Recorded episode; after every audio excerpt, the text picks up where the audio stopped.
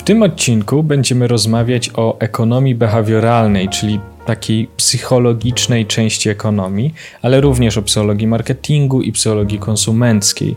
Chcemy rozmawiać o tych rzeczach z takiej perspektywy etycznej, ale nie tylko etycznej, prawda? Bo też perspektywy, e, no jak zawsze staramy się patrzeć z takiej troszkę szerszej perspektywy na, tej, na te dziedziny, w taki sposób, żeby zobaczyć, jak one faktycznie są używane i jakie ryzyko i konsekwencje ich używanie za sobą niesie.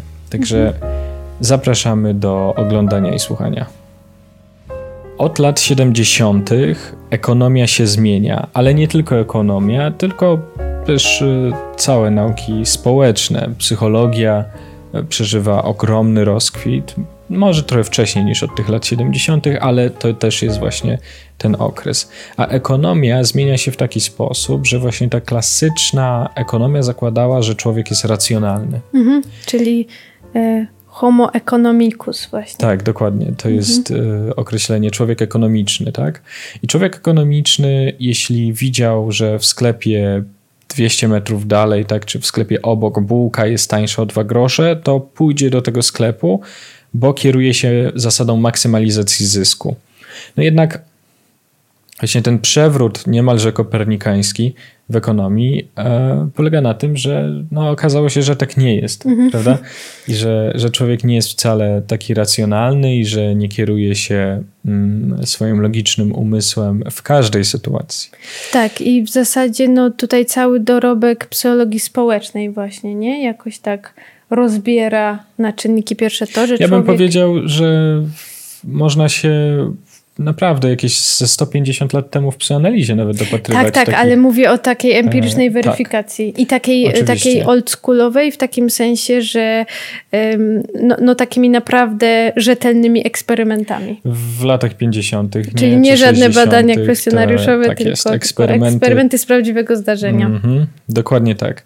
No i po tym, jak właśnie ekonomiści się zorientowali, że jednak nie, nie jesteśmy tacy racjonalni, no to e, tak, jak, jak wygląda ta sytuacja? No, o, oczywiste wydaje się, ale może nie do końca, że mamy bardzo wiele uprzedzeń, mamy pewne przekonania, mamy różne ograniczenia poznawcze, mam, kierujemy się różnymi heurystykami, jakby jesteśmy bardzo mocno determinowani, tak? Nasze podejmowanie decyzji nie wygląda w taki sposób, że jesteśmy my i obiekt i nie ma nic poza tym i, i mamy pełną uwagę skierowaną na ten obiekt, tak?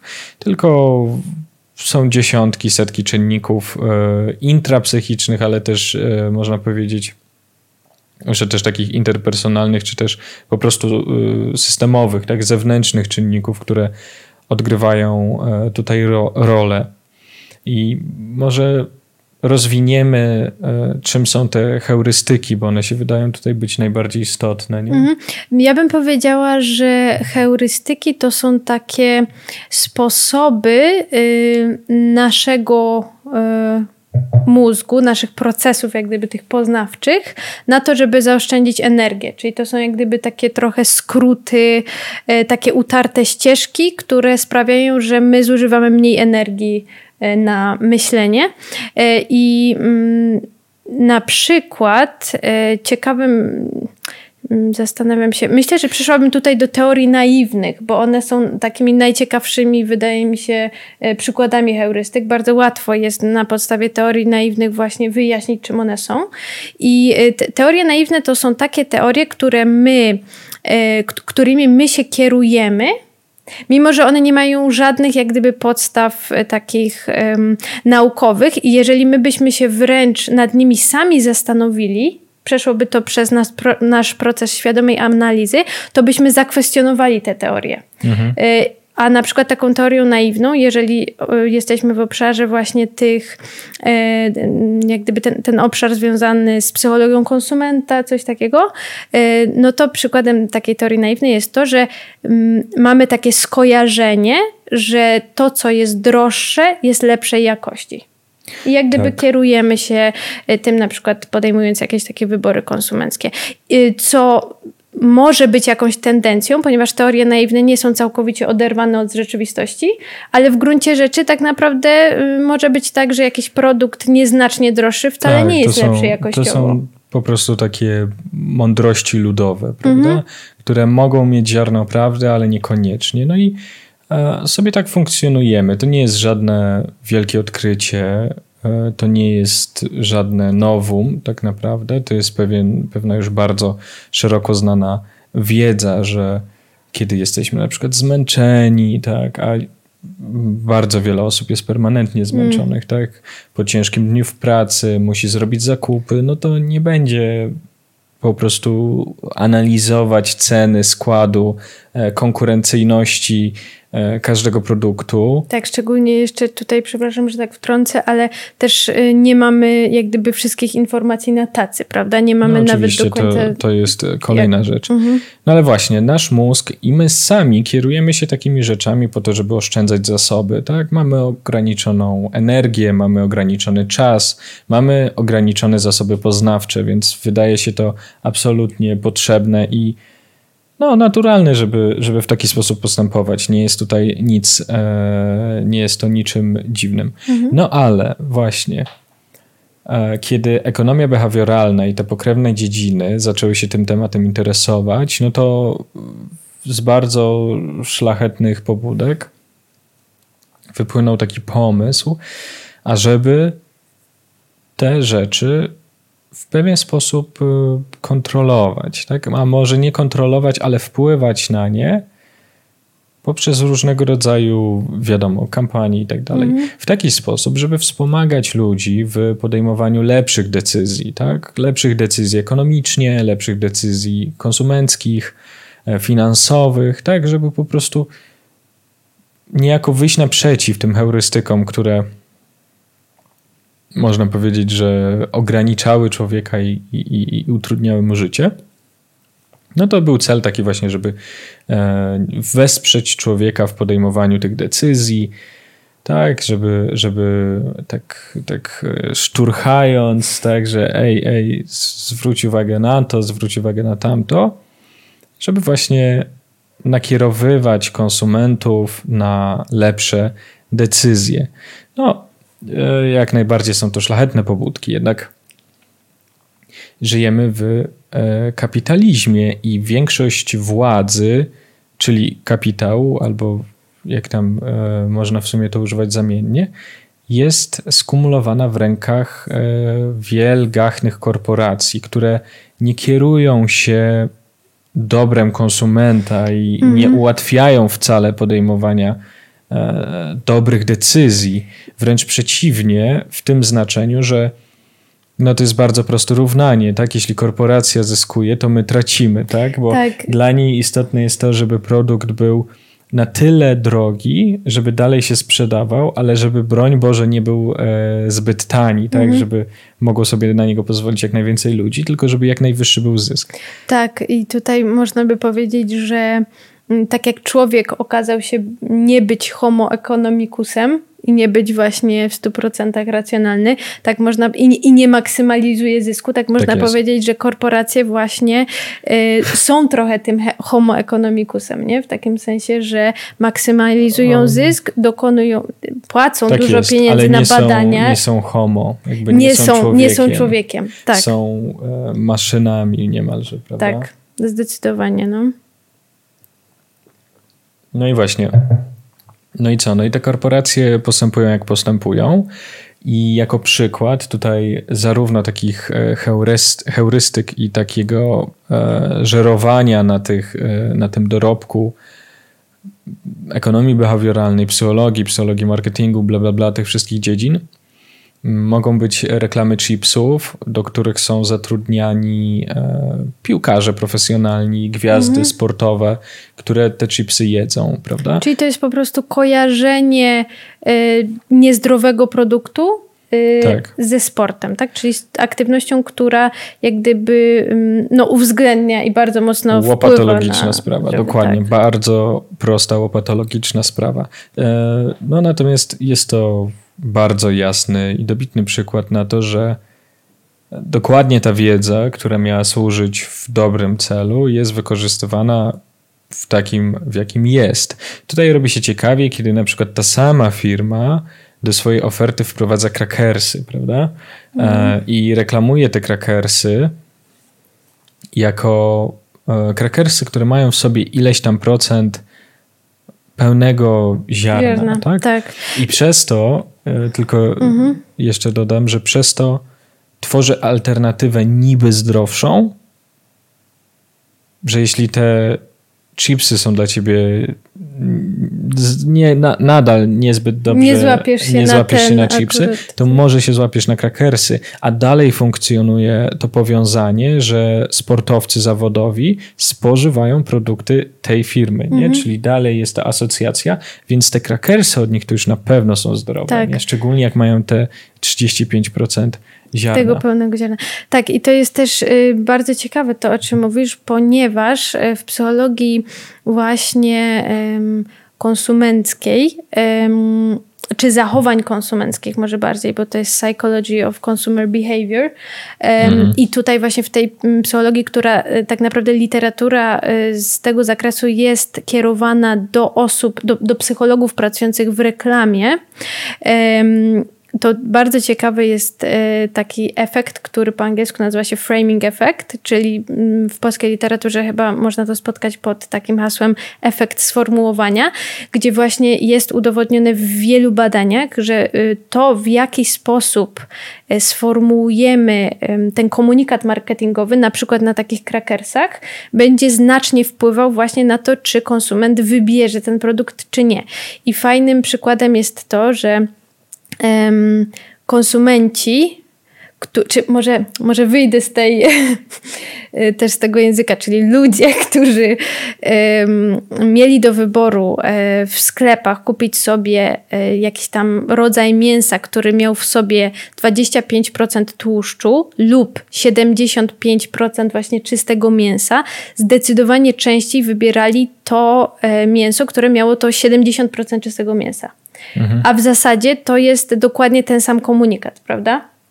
E, I to, to jest jak gdyby sedno tego efektu sformułowania, tego framing effect, czyli sytuacja, w której y, taka sama informacja podana w określony sposób bardzo mocno oddziałuje na decyzje właśnie osób, które sobie robią zakupy. Tak, i sama, same wnioski z tego badania albo same stosowanie takiego właśnie framing efektu nie jest e, inherentnie złe, bo to jest właśnie tak jak powiedziałeś, w zasadzie niczym to się nie różni, to są tylko słowa, prawda?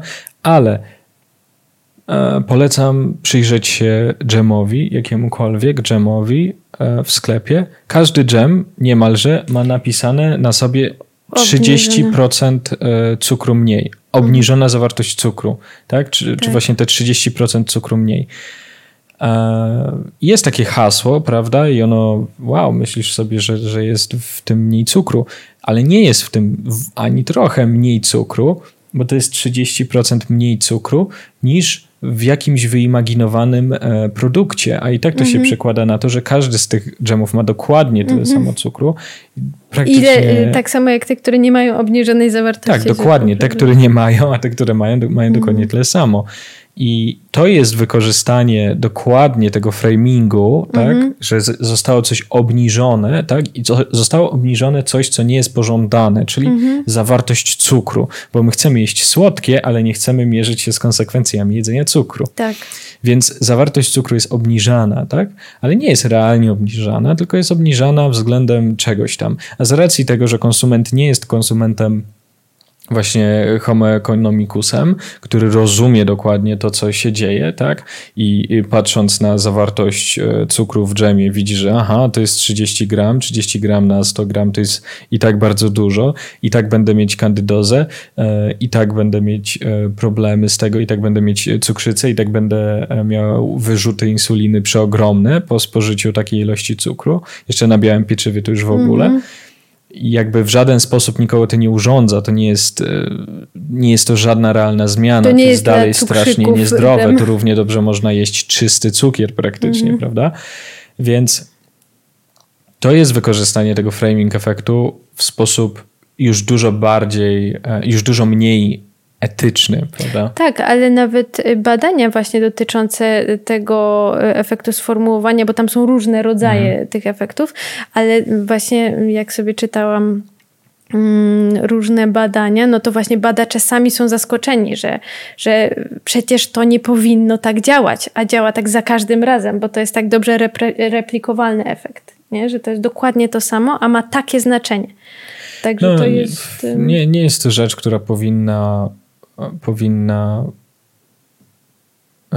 wywoływać jakieś duże zdziwienie, bo kiedy zastanowimy się nad tym, do kogo są skierowane te reklamy, jakby inaczej, jest bardzo wiele procesów też społecznych, okolicznych mhm. się na to składa, prawda? Ale ja się zgadzam. Kiedy weźmiemy pod uwagę to, mówię o czysto sytuacji polskiej tutaj, chociaż analogicznie można patrzeć na sytuację w Stanach Zjednoczonych. Mhm. E, jakby procesy dążą w, w podobnym kierunku, jednak e, inaczej. W Polsce nauczyciele są tragicznie opłacani. Szkoły są niedofinansowane. Mamy zabetonowany system edukacji, który jest tak przestarzały e, i, i no, z takim ministrem to po prostu też jakby to nie idzie w dobrym kierunku, oczywiście. Natomiast zmierzam do tego, że kiedy system edukacji się jest jaki jest w Polsce, tak i jest nie jest lepszy, ani trochę, w żadnej mierze nie jest lepszy, no to konsumenci, którzy są wychowani w takim systemie edukacji, no będą jeszcze bardziej podatni na to. Tak? Jasne, jak I będzie jeszcze im trudniej podejmować jakiekolwiek decyzje. Coraz mniej e, będzie konsumentów, którzy będą w stanie wyłapać to i zwrócić na to uwagę. Tak? W mhm. Stanach Zjednoczonych z kolei, jeszcze tylko powiem chwileczkę, to jest po prostu nawoływanie do sprywatyzowania systemu edukacji, uzależnienie e, systemu edukacji od lokalnych e, podatków w dużej mierze, czyli bogate dzielnice mają dobre szkoły, a biedne dzielnice mają tragiczne szkoły i tak tak. Więc kiedy okraja się system edukacji, no to łatwiej jest po prostu manipulować. Mm, jasne. I też tutaj to, co bym chciała powiedzieć, to dla mnie też to jest w pewnym sensie intuicyjne, że jeżeli ten sam komunikat sformułujemy w inny sposób, to on będzie miał inną siłę. To jest mm. jak mhm. gdyby y, jakieś takie właśnie naturalne i wydaje mi się, że dla każdego z nas to jest w pewnym sensie oczywiste. Nie trzeba być y, po psychologii, żeby, żeby sobie zdawać z tego sprawę. Natomiast to, jak to jest skuteczne, właśnie w kontekście na przykład dokonywania takich wyborów jest trochę takie, mm, że, że to robi na mnie wrażenie, że, że, że to mhm. zdaję sobie z tego sprawę, a i tak mnie to dotyczy, nie? Bo, tak bo właśnie tak jak mówisz, idzie się do sklepu, jak się jest zmęczonym. Yy, oszczędzamy energię wtedy poznawczą bardzo intensywnie. Yy, mamy też określony cel, czyli chcemy właśnie na przykład, wiesz, chcemy coś słodkiego, a jednocześnie nie chcemy tego cukru tyle zjeść, więc taki no. komunikat, to wszystko się jak gdyby spotyka w bardzo określonym miejscu i kontekście. No, ale też trochę tylko dodam tak adwocem, że idiotyczne jest stawianie sytuacji zakupów jako sytuacji, w której my musimy zachowywać stuprocentową czujność Oczywiście. i mieć się oczywiście. na baczności, czy ktoś mnie zaraz nie oczywiście. oszuka, a niestety e, trochę to tak wygląda, prawda? W sensie można byłoby tak podchodzić do zakupów i ktoś z zewnątrz mógłby na przykład powiedzieć, że to jest paranoia, a tak naprawdę w sumie trochę jest w tym czegoś racjonalnego. Mimo, że no nie, tak. ma to, nie ma to sensu. Jeśli byśmy chcieli podejmować racjonalnie swoje mhm. E, tam. Czy chcesz jeszcze coś e, z tego artykułu powiedzieć? Mm, z tego konkretnego nie. Y, mam jeszcze jeden artykuł e, dotyczący mhm. Mm, etyki. Nie wiem, czy teraz będzie dobry moment na to. To ja może bym jeszcze tylko dodał, że ta sytuacja, o której mówimy, ona nie bierze pod uwagę mediów społecznościowych i internetu, bo to jest już dopiero w ogóle bardzo ciekawa sprawa. Media społecznościowe operują, e, co wydaje mi się, że warto powiedzieć, to jakby jest dość oczywiste, ale e, warto o tym powiedzieć. Media społecznościowe operują w taki sposób, że są darmowe, do, żeby z nich korzystać nie trzeba za nie płacić. Natomiast on, one zarabiają na sprzedaży naszych danych, tak?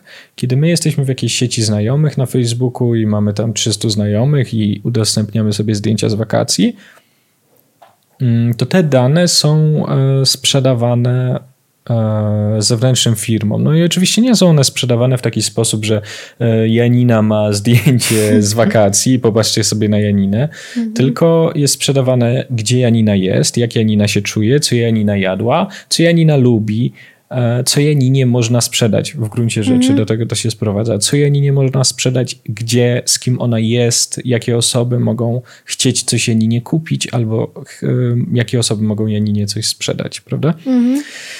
I w takiej sytuacji problem u, ulega e, zna, znacznemu zwiększeniu, prawda? Mhm. Bo te wszystkie kwestie dotyczące heurystyki, szczególnie jeszcze e, kiedy obserwujemy taką dynamizację tych mediów społecznościowych, tak?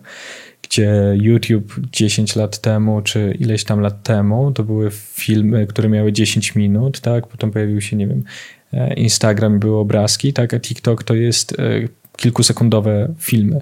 Więc jakby zdolność do aktywacji tych racjonalnych części naszego umysłu, tak? E, jest, jest bardzo ograniczona, szczególnie w sytuacji właśnie tak krótkiego e, pobudzenia, więc można powiedzieć, że e, media społecznościowe coraz bardziej jakby ten problem e, wyolbrzymiają, tak? I można powiedzieć, że niejako społeczeństwo w tym momencie się dzieli na tych, którzy właśnie manipulują i nie manipulują. Można powiedzieć, mhm. czytałem taki artykuł o tym, że właśnie to jest niejako nowy front e, podziału klasowego, mhm. tak, społecznego, że są ci, którzy poprzez właśnie internet i media manipulują, i ci, którzy są manipulowani. No i tutaj jako przykłady z życia, no to można wziąć różne rzeczy pod uwagę. Przy każdych wyborach są używane takie rzeczy niemalże, tak? Mhm. Przy Brexicie, przy wyborach e, Trumpa, farmy botów, które e, E, rozsyłają setki tysięcy postów negatywnych na temat jakiegoś kandydata. Takie rzeczy miały miejsce w Polsce, na przykład w 2015 roku, kiedy Andrzej Duda właśnie wygrywał z Bronisławem Komorowskim, który był też atakowany przez farmy botów, ale każdy niemalże to robi po obu stronach jakiejkolwiek barykady, jaką można sobie mhm. wyobrazić. Też pamiętam, że wspominałeś, że na przykład Spotify bardzo takie wrażliwe. Spotify jest bardzo ciekawy, bo tak. muzyka ma ładunek emocjonalny, więc Spotify wie, kiedy jesteśmy smutni, kiedy jesteśmy weseli, kiedy jesteśmy energetyczni, tak? I takie mapy naszej emocjonalności mogą sprzedawać, a to jest dopiero wartość, tak? Mhm. Bo tak jak właśnie ekonomia behawioralna jest na etapie być może behawioryzmu, natomiast zdają sobie sprawę z tego, że są też procesy poznawcze, a tym bardziej procesy afektywne. Mhm. Ale ale tak. to prawda, że y, właśnie te obszary związane z psychologią dla y, psychologów pracujących w reklamie bardzo jasno y, mówią, że chodzi o to, żeby wpływać na zachowania konsumenckie, prawda? No Czyli tak, to jest tak. właśnie. Ale no poprzez afekt jest, jest to chyba tak, naj, oczywiście, najłatwiejsze. Oczywiście. Ja mam jeszcze taki, może już na koniec, tak. mhm. taki, taką krótką wstawkę, mam nadzieję, ponieważ też czytałam e, taki rozdział w książce, która nazywa się Cambridge Handbook of e, Consumer Psychology. I to jest e, rozdział, który jest poświęcony właśnie etycznej konsumpcji. Mm, tak to się nazywa. I chciałabym, myślę, tutaj powiedzieć, że w obrębie właśnie tej psychologii zachowań konsumenckich um, badacze mają bardzo określoną wizję człowieka. Mhm. E, I też trzeba zaznaczyć, że nie ma czegoś takiego jak na przykład kodeks e, etyczny psychologów pracujących właśnie w reklamie, czy e, zatrudnianych w, mm, e, no na przykład w korporacjach, czy w marketingu, w marketingu dokładnie. Reklamie, Czyli tak. jak gdyby no. w tym obszarze tych zachowań konsumenckich nie ma czegoś takiego jak właśnie kodeks etyczny dotyczący tego, tego obszaru. No i mm, takim głównym problemem, wydaje mi się, związanym z tym obszarem jest to, że mm, psychologowie mają takie założenie, mają jak gdyby taką wizję człowieka, że człowiek poprzez to, co nabywa, wyraża siebie. Mhm. I to, to też kształtuje bardzo określoną narrację, którą na przykład możemy obserwować, chociażby teraz chyba jakiś bank w Polsce ma taką kampanię, że, że ty jesteś najważniejszy, nie? że oni jak gdyby e, jako konsumenta właśnie bardzo um, podkreślają że... to, że, jego, że, że nasza tożsamość tworzy się wokół określonych wyborów. Tak, że twoja, twoje konto jest um, ścieżką do twojego szczęścia, tak? Że mhm. poprzez założenie konta w tym banku będziesz mieć wakacje, będziesz mieć udane życie, będziesz robić to, co kochasz, będziesz realizować swoje pasje. Jakby piernik do wiatraka, nie? Tak. Ale jest to robione i nie podlega to żadnej refleksji, że jest to prymitywna manipulacja, a co gorsza, im człowiek bardziej zdesperowany, im człowiek bardziej nieszczęśliwy, tym będzie bardziej podatny na takie komunikaty. Więc to jest podwójnie przykre, tak? Że człowiek, który zamiast powinien trafić, nie wiem, do psychologa, do psychiatry, na psychoterapię, tak, czy chociażby, nie wiem, na cokolwiek, tak? Odpocząć. Co, odpocząć, co, co, co da mu realne rozwiązanie, to jest bombardowany takimi komunikatami, że załóż, weź kredyt w tym banku, weź mm. załóż lokatę albo kup kawę, no tak. cokolwiek. I jeszcze tak właśnie na koniec chciałabym przytoczyć cytat z tego artykułu, który właśnie czytałam i który zrobił na mnie duże wrażenie też w kontekście takiego rodzaju um, właśnie raz, że kompletnie przedziwnego założenia na temat właśnie tego, czym jest człowiek, mhm. a po drugie um, takiej trochę nowomowy, mhm. jak gdyby. No ale można to też nie określić nowomową, tylko nie wiem, żargonem danej dziedziny. Y, natomiast cytat brzmi tak, że przypominanie konsumentom, y, że ważne jest przypominanie konsumentom, że ich zakupy są ważne dla ich tożsamości. Dlatego mówią coś o nich jako o ludziach. Czyli to jest jak gdyby potraktowanie tego, że nasze, e, że człowiek jest jak gdyby taki zredukowany do tego, jakie decyzje konsumenckie podejmuje. I to jest dla mnie trochę. To, to, to jest dla mnie bardzo nieetyczne. To jest przykre, prawda? Bo to też jest, e, to jest redukcja albo nawet nadbudowanie. To jest no i to widać bardzo mocno, tak? Decyduje o naszej wartości status, tak? Mhm. Co dla młodego człowieka, nastolatka, szczególnie mężczyzny, chociaż pewnie dziewczynki też się z tym e, borykają, natomiast chłopiec lat 16, co chce mieć chłopiec? Chce być bogaty i chce chodzić na siłownię i być mhm. jakby sprawny, nie? Czyli e, tylko poprzez swoje wybory konsumenckie definiujemy swoją tożsamość i jak popatrzymy na świat celebrytów, na świat tak. E, wszystkich osób znanych, świat muzyki, muzyka e, popularna jest tylko i wyłącznie wokół konsumpcji i wokół seksu, który jest przedstawiany również jako konsumpcja, -hmm, co tak. warto też e, na to zwrócić uwagę, że takie dziedziny życia jak seksualność, jak bliskość, jak związek zostały również skomodyfikowane i mhm. przedstawiane są jako akt konsumpcji, czyli e, po prostu jest penetracja i jest radość, czyli prosta jakby wymiana niemalże handlowa, tak? Dodatkowo, że można sobie kupić, ja, e, oczywiście, kupić, miłość, bo na przykład kupisz sobie jakieś produkty, które są na topie, są więc będziesz bardziej dla... atrakcyjny. Tak, tak jak najbardziej. Dlatego tutaj dla mnie ten problem etyczny jest właśnie związany z tym, że um, no, człowiek jest bardzo mocno właśnie taki okrojony i psychologowie um, właśnie marketingu, reklamy, zachowań konsumenckich skupiają się tylko właśnie na tym wycinku i widzimy, jak to jest skuteczne. Mimo, że to tak jest, jest absurdalne, że to jest mhm. takie skuteczne. Tak. Że to tak na nas wpływa i że my rzeczywiście jako ludzie, y, no, no, że to są naprawdę dla nas fundamentalne rzeczy. Na przykład to, czy y, mam modne buty. Tak jest. No właśnie, więc zostaliśmy niejako wrzuceni w, pewną, w pewien stan rzeczy, który dla niektórych e, z Was może się wydawać naturalny. Ja też e, od urodzenia tak funkcjonujesz w tym świecie, ty również.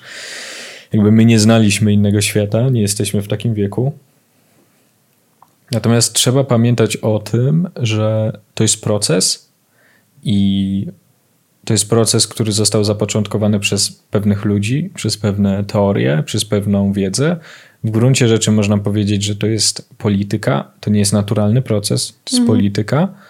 To jest to, co my uważamy za dobre, to jest to, co my uważamy za złe, to jest to, co my uważamy za dozwolone czy niedozwolone. Niestety, zostaliśmy niejako przyuczeni, że my, szarzy ludzie, nie mamy żadnej sprawczości, żadnej władzy, ale nie jest to prawda, bo jak, e, że tak powiem, szara masa się zbierze w kupę, to jest e, duża kupa, a jak się zbierze taka kupa, to jest w stanie zrobić bardzo wiele. I nie mówię tutaj o rewolucji czy przemocy, e, tylko po prostu o zwykłych, oddolnych ruchach społecznych, które w gruncie rzeczy są jedynym historycznie nośnikiem zmiany na dobre, prawda? Mhm. To, co jeszcze tak e, słyszę jakby w tej twojej wypowiedzi i jest dla mnie ważne, żeby wybrzmiało, to to, że właśnie nam się wydaje, że to jest naturalny proces. Tak. E, że, że, to, że świat taki jest, że to przecież jest jakieś odwieczne prawo i że to jakoś tak samo wyewoluowało, a mm, warto właśnie zobaczyć, że to są bardzo określone działania po prostu ludzi, którzy tak. mają władzę, mają wpływ i na przykład e, no, zależy im właśnie na tej maksymalizacji zysków. Dokładnie. No. Także e, mamy nadzieję, że przedstawiliśmy w miarę sensownie to, co chcieliśmy przedstawić. Jeśli ten odcinek Wam się podobał, to zachęcamy, bo to jest dla nas bardzo ważne. Zachęcamy do subskrybowania kanału, komentowania. Możecie skomentować, y, jaką najbardziej absurdalną kampanię reklamową widzieliście, co najbardziej e, uparcie wam się próbuje wcisnąć, bo to jest zawsze fajne źródło rozrywki. Mhm. No i do usłyszenia i do zobaczenia za tydzień. Tak, do zobaczenia.